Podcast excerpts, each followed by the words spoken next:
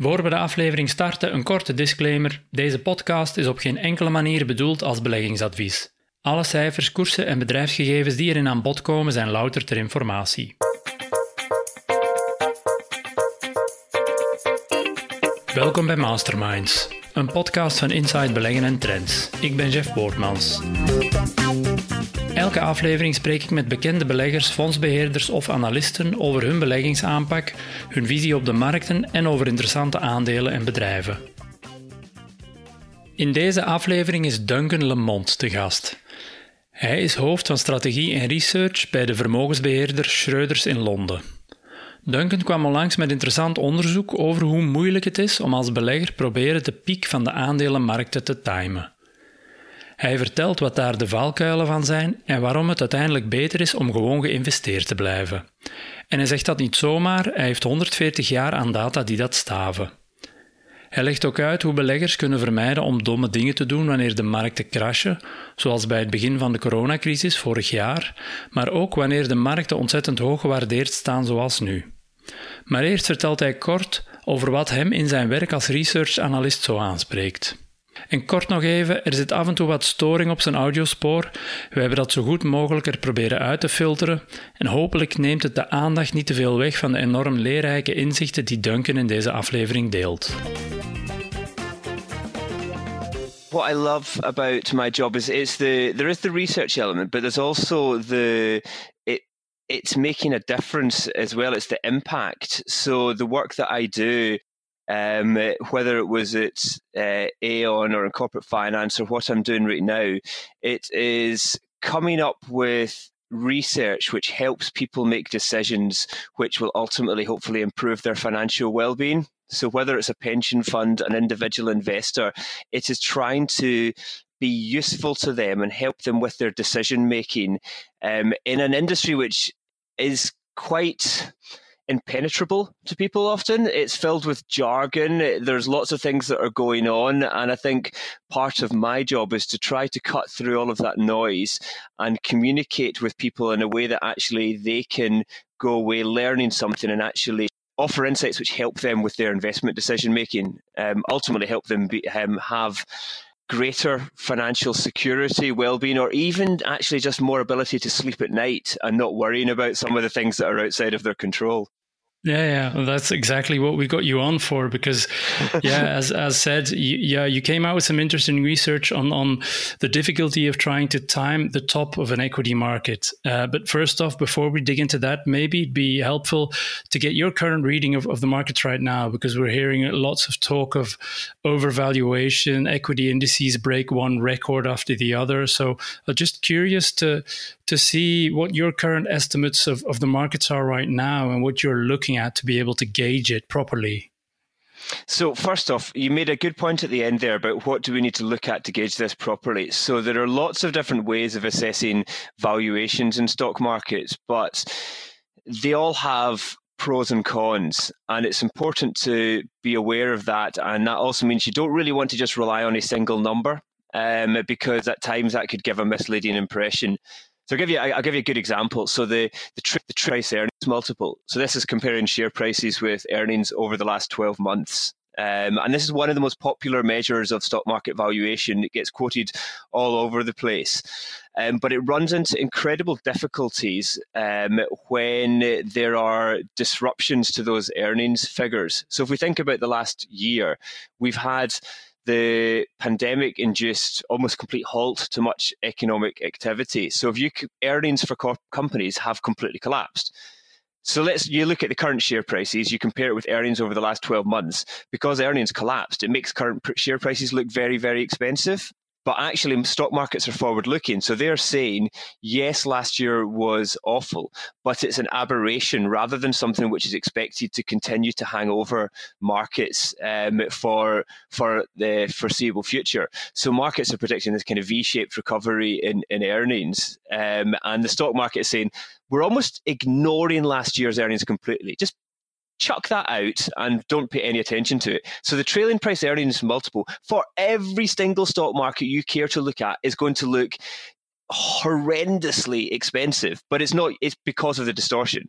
So then you can look at other things that you could say a popular measure is the Shiller price earnings multiple or the cyclically adjusted price earnings. And instead of just comparing prices with last year's earnings, it's it looks at the average earnings over the last 10 years to in inflation adjusted terms to smooth some of that out.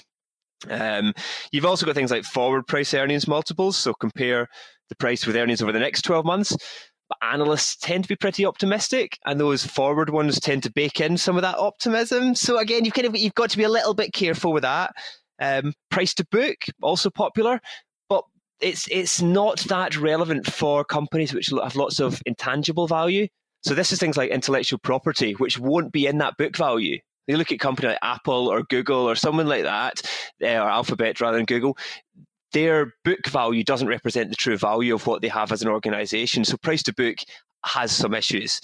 So the, the, gist of all of this is they are all useful, but individually they all have drawbacks. So I think I rather than looking at just one, I like to look across the whole range of them.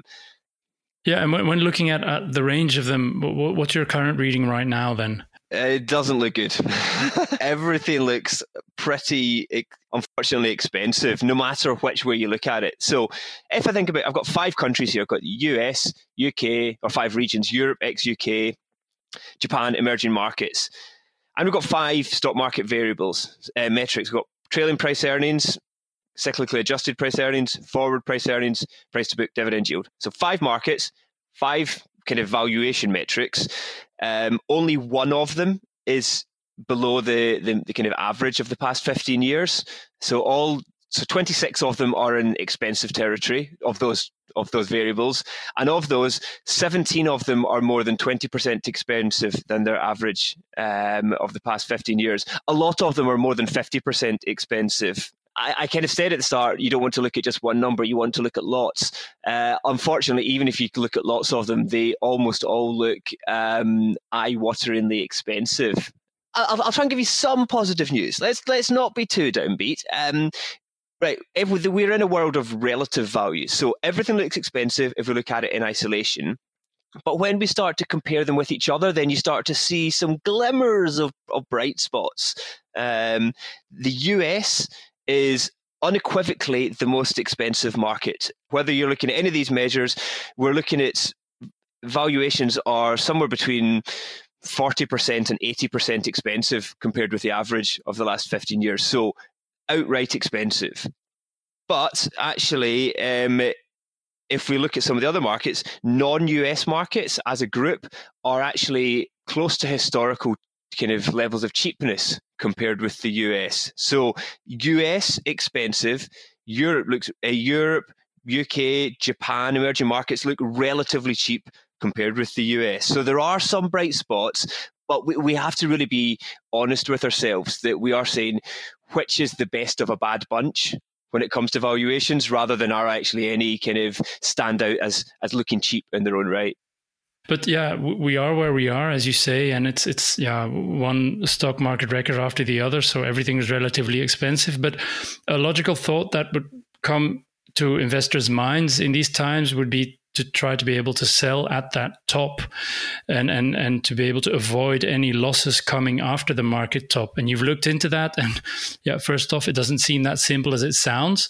So, what, what did your research on this trying to top the market tell you? And what, what are the pitfalls that investors who would like to try should look out for? So, if you had a crystal ball and you could say that yes, markets are expensive and they're at the top, and you decided to sell all of your shares shares now and then wait till the market falls and then buy back in, yeah, well done you. Um, life isn't like that, unfortunately. Um, and what our research found is that even when you think stock markets are expensive, actually they can become even more expensive. Um, it is incredibly difficult to try to time the top of the market and make big changes to your portfolio. And by big, I mean kind of let's say let's say you get scared every time the stock market becomes more than 50% expensive compared with the historical average, which I think to be for most people, they would say 50% expensive. That's I'm feeling a bit uncomfortable here. Um, and let's say you decided, right, Whenever that happens, I'm going to sell the stock market. Um, and then whenever they are no longer so expensive, um, then I'll decide to buy shares again. So you kind of think, well, maybe I'm selling high and I'm buying low, and that, that sounds sensible. But actually, um, it wouldn't have worked out very well historically. Um, and that is because uh, the stock market, when it seems expensive, can become more expensive. So what I looked at was, say, I think we've got got about maybe a dozen different historical episodes where the stock market on a kind of Shiller PE or cyclically adjusted price earnings multiple, the other name for it, was more than 50% expensive. And I looked at data going back all the way to the year 18, uh, 1881. So we've got 140 years worth of data here. So it's a really long term analysis. And then I said, let's say every time the stock market became 50% expensive, um, based on its experience to date, you decided to sell stocks. And then I looked and said, well, on average, how much did the stock market keep going up after that? Um, so basically, how what potential gains would you have missed out on if you decided to do that? And the average is a gain of forty three percent. That's that's a big number. I'd like to say you've you're missing out on almost um, fifty um, percent growth on your assets if you had done which what would seem like a sensible strategy and selling when the market seemed expensive. And what, what concrete periods are we talking about? What, what, what's a good illustration of what you just came to describe? The current bull market is probably a good example, actually. So since 2000 and since about December 2013, the stock market in the US has been more than 50% expensively valued um, on a cyclically adjusted price earnings basis. So you would have sold equity, US equities around about December 23, uh, December 2013 missing out on about seven years of the bull market, that would have amounted to 168% return you'd have lost. You would have lost out big time. Um, it's, it's, it's the same if you do like the dot com as well. It, you wouldn't just have missed out on the late stages of the dot com boom when everybody was saying this feels like really expensive. You'd have sold in um, 1995, so you'd have missed out on gains of 200% that time round. So actually, uh, the market, when it feels expensive, can keep going up. It is so so hard to try to time when that uh, when that happens. In the dot com boom, the stock market went up another two hundred percent. You only get that two hundred percent if you were lucky enough to get out at the very top. Most investors, again, as we've just said, wouldn't be able to manage to do that. So what I did then was I said, well, let's say you just stayed invested, if you'd stayed invested the whole way through until it dropped back down below that 50% level, so you've just kind of chopped out the whole period when the market seemed really expensive. On average, actually, you would still have lost out on returns there as well. So if you have no ability whatsoever to pick the top of the market and you don't attempt to do it at all, then actually you would still have come out better than if you had tried to just um, uh, kind of stay on the sidelines throughout that whole period. But then uh, again, there's another side to this story as well, because ultimately it's about loss aversion as well, no, from investors, because you, yeah, you just showed the tremendous gains investors might have missed out on had they tried to time the top of the market. But would they have also averted any losses and any pain in, in that sense? So that's actually quite interesting. So yes, in some of these periods, the stock market would go on to to fall um, afterwards.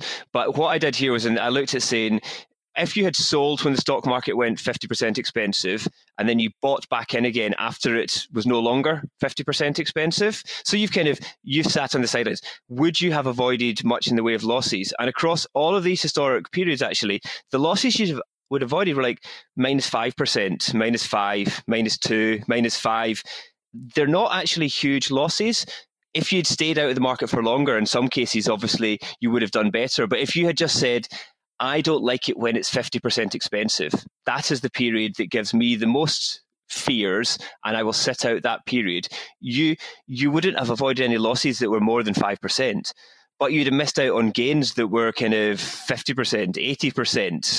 And then Last year, we saw sort of the opposite of this, right? Where maybe investors were um, thinking of selling to avoid more losses when markets were crashing during during the COVID crisis. I mean, now now we're in the opposite situation. But what are the analogies, according to you, between uh, last year and now in terms of how investors should should um, behave? It's, it's, it's, you're exactly right. It's just a mirror image of the same thing. Something's happened in markets that makes us feel uncomfortable and makes us want to do something. So last year, the fear was markets are selling. I'm scared. The market might keep falling. I should sell my stocks. This year, it is the market feels very expensive. I feel uncomfortable. I feel like I should sell my stocks. Like I've got a, a, good friend of mine had never ever invested in the stock market in his entire life. He put some money into a um, stock market tracker following the, the, the FTSE 100 in January last year. Within like two months, he'd lost like 30% of his money. Um, and he's sitting there going, oh God, I've spent, I've never done this before and now I'm not knowing whether I should have done it. Maybe I should just sell it all and decide that the stock market's not for me. He, he didn't, and actually, he he managed to kind of stay invested throughout. But it was really hard. Like we've got these emotional triggers going off in our head, saying it's almost harder to do nothing. You've got to have a degree of confidence to stay the course and not to be tempted into a knee jerk, knee jerk reaction. Everything in our body is telling us that we should do something. And you need to either have confidence, conviction, advice, or have set up your portfolio in a particular way that will almost insulate you from making some of those behavioral mistakes. Yeah, because I mean, that's what it comes down to, right? There's a huge behavioral and emotional aspect to this. So, the, the, the things that you just described, how can uh, investors cultivate this mindset and, and um, set up their portfolio in order to be able to better go through these periods where emotion wise they would be uh, all over the place, but they would stay the course as an investor? First of all, it is very hard people should not expect that they will be able to always act in a level headed way when things start going badly or when these emotional triggers start telling them to do things. Um, when th- everything feels normal, it's very easy to sit there and go, "That's okay. I'll I'll be okay. I'll be able to uh, know what I'm doing, and I will I won't react." But it's hard when you're actually in the heat of the moment uh, and you're panicking to, to do that. So actually, a simple way around this is almost try to take yourself out of the equation.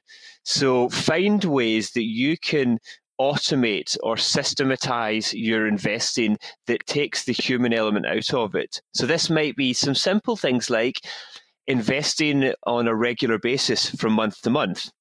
So rather than deciding, oh, which month of the year shall I decide to put my annual investment in, spread it evenly over the course of the year, and you've stopped yourself trying to think that you've got the ability to, to time that investment. Um, it might be rebalance your portfolio. So if you've got a mixture of stocks and bonds, um, let's say you've got, I don't know, 80% in stocks and 20% in bonds. The numbers could be any numbers we, we care about, just, an example.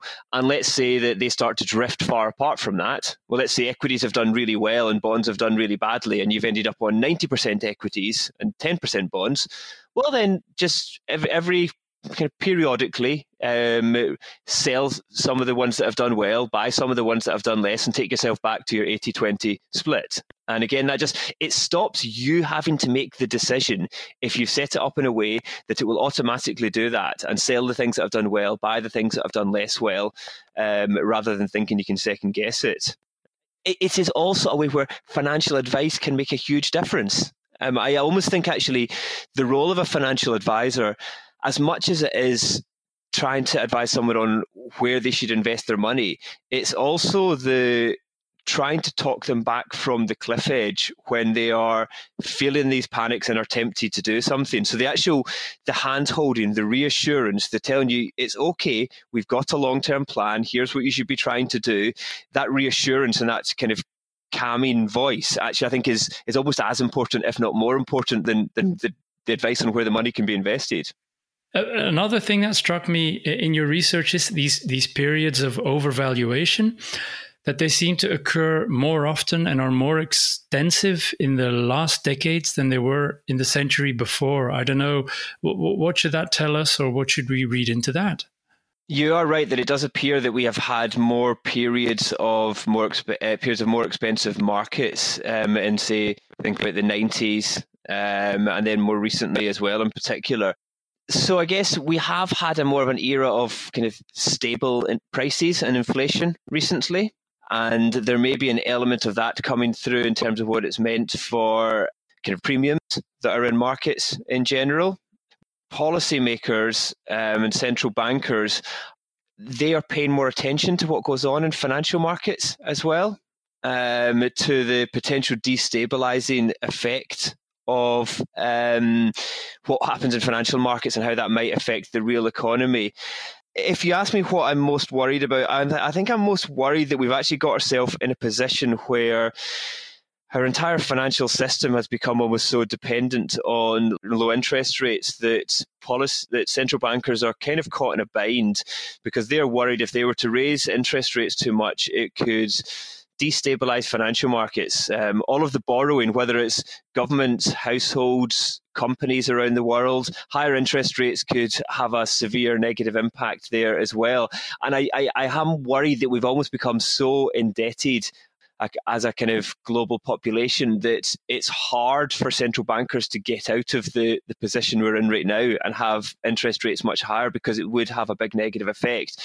And in that environment where people think central bankers have got their backs to an extent, then it leads people to take more risk. And that could be lending money to companies that already have lots of debt. It could be being prepared to pay a higher price for. Um, um, investments in the stock market. It could be if you're buying a house yourself and then the kind of loan to value on that, that people push themselves a bit more than they would in the past. So again, I think I feel like we are the biggest risk we face is probably if there was a change to that view and if people started to think that actually central bankers were not necessarily just going to be underpinning all risk in the financial system because it feels like some people are behaving as if that is the case.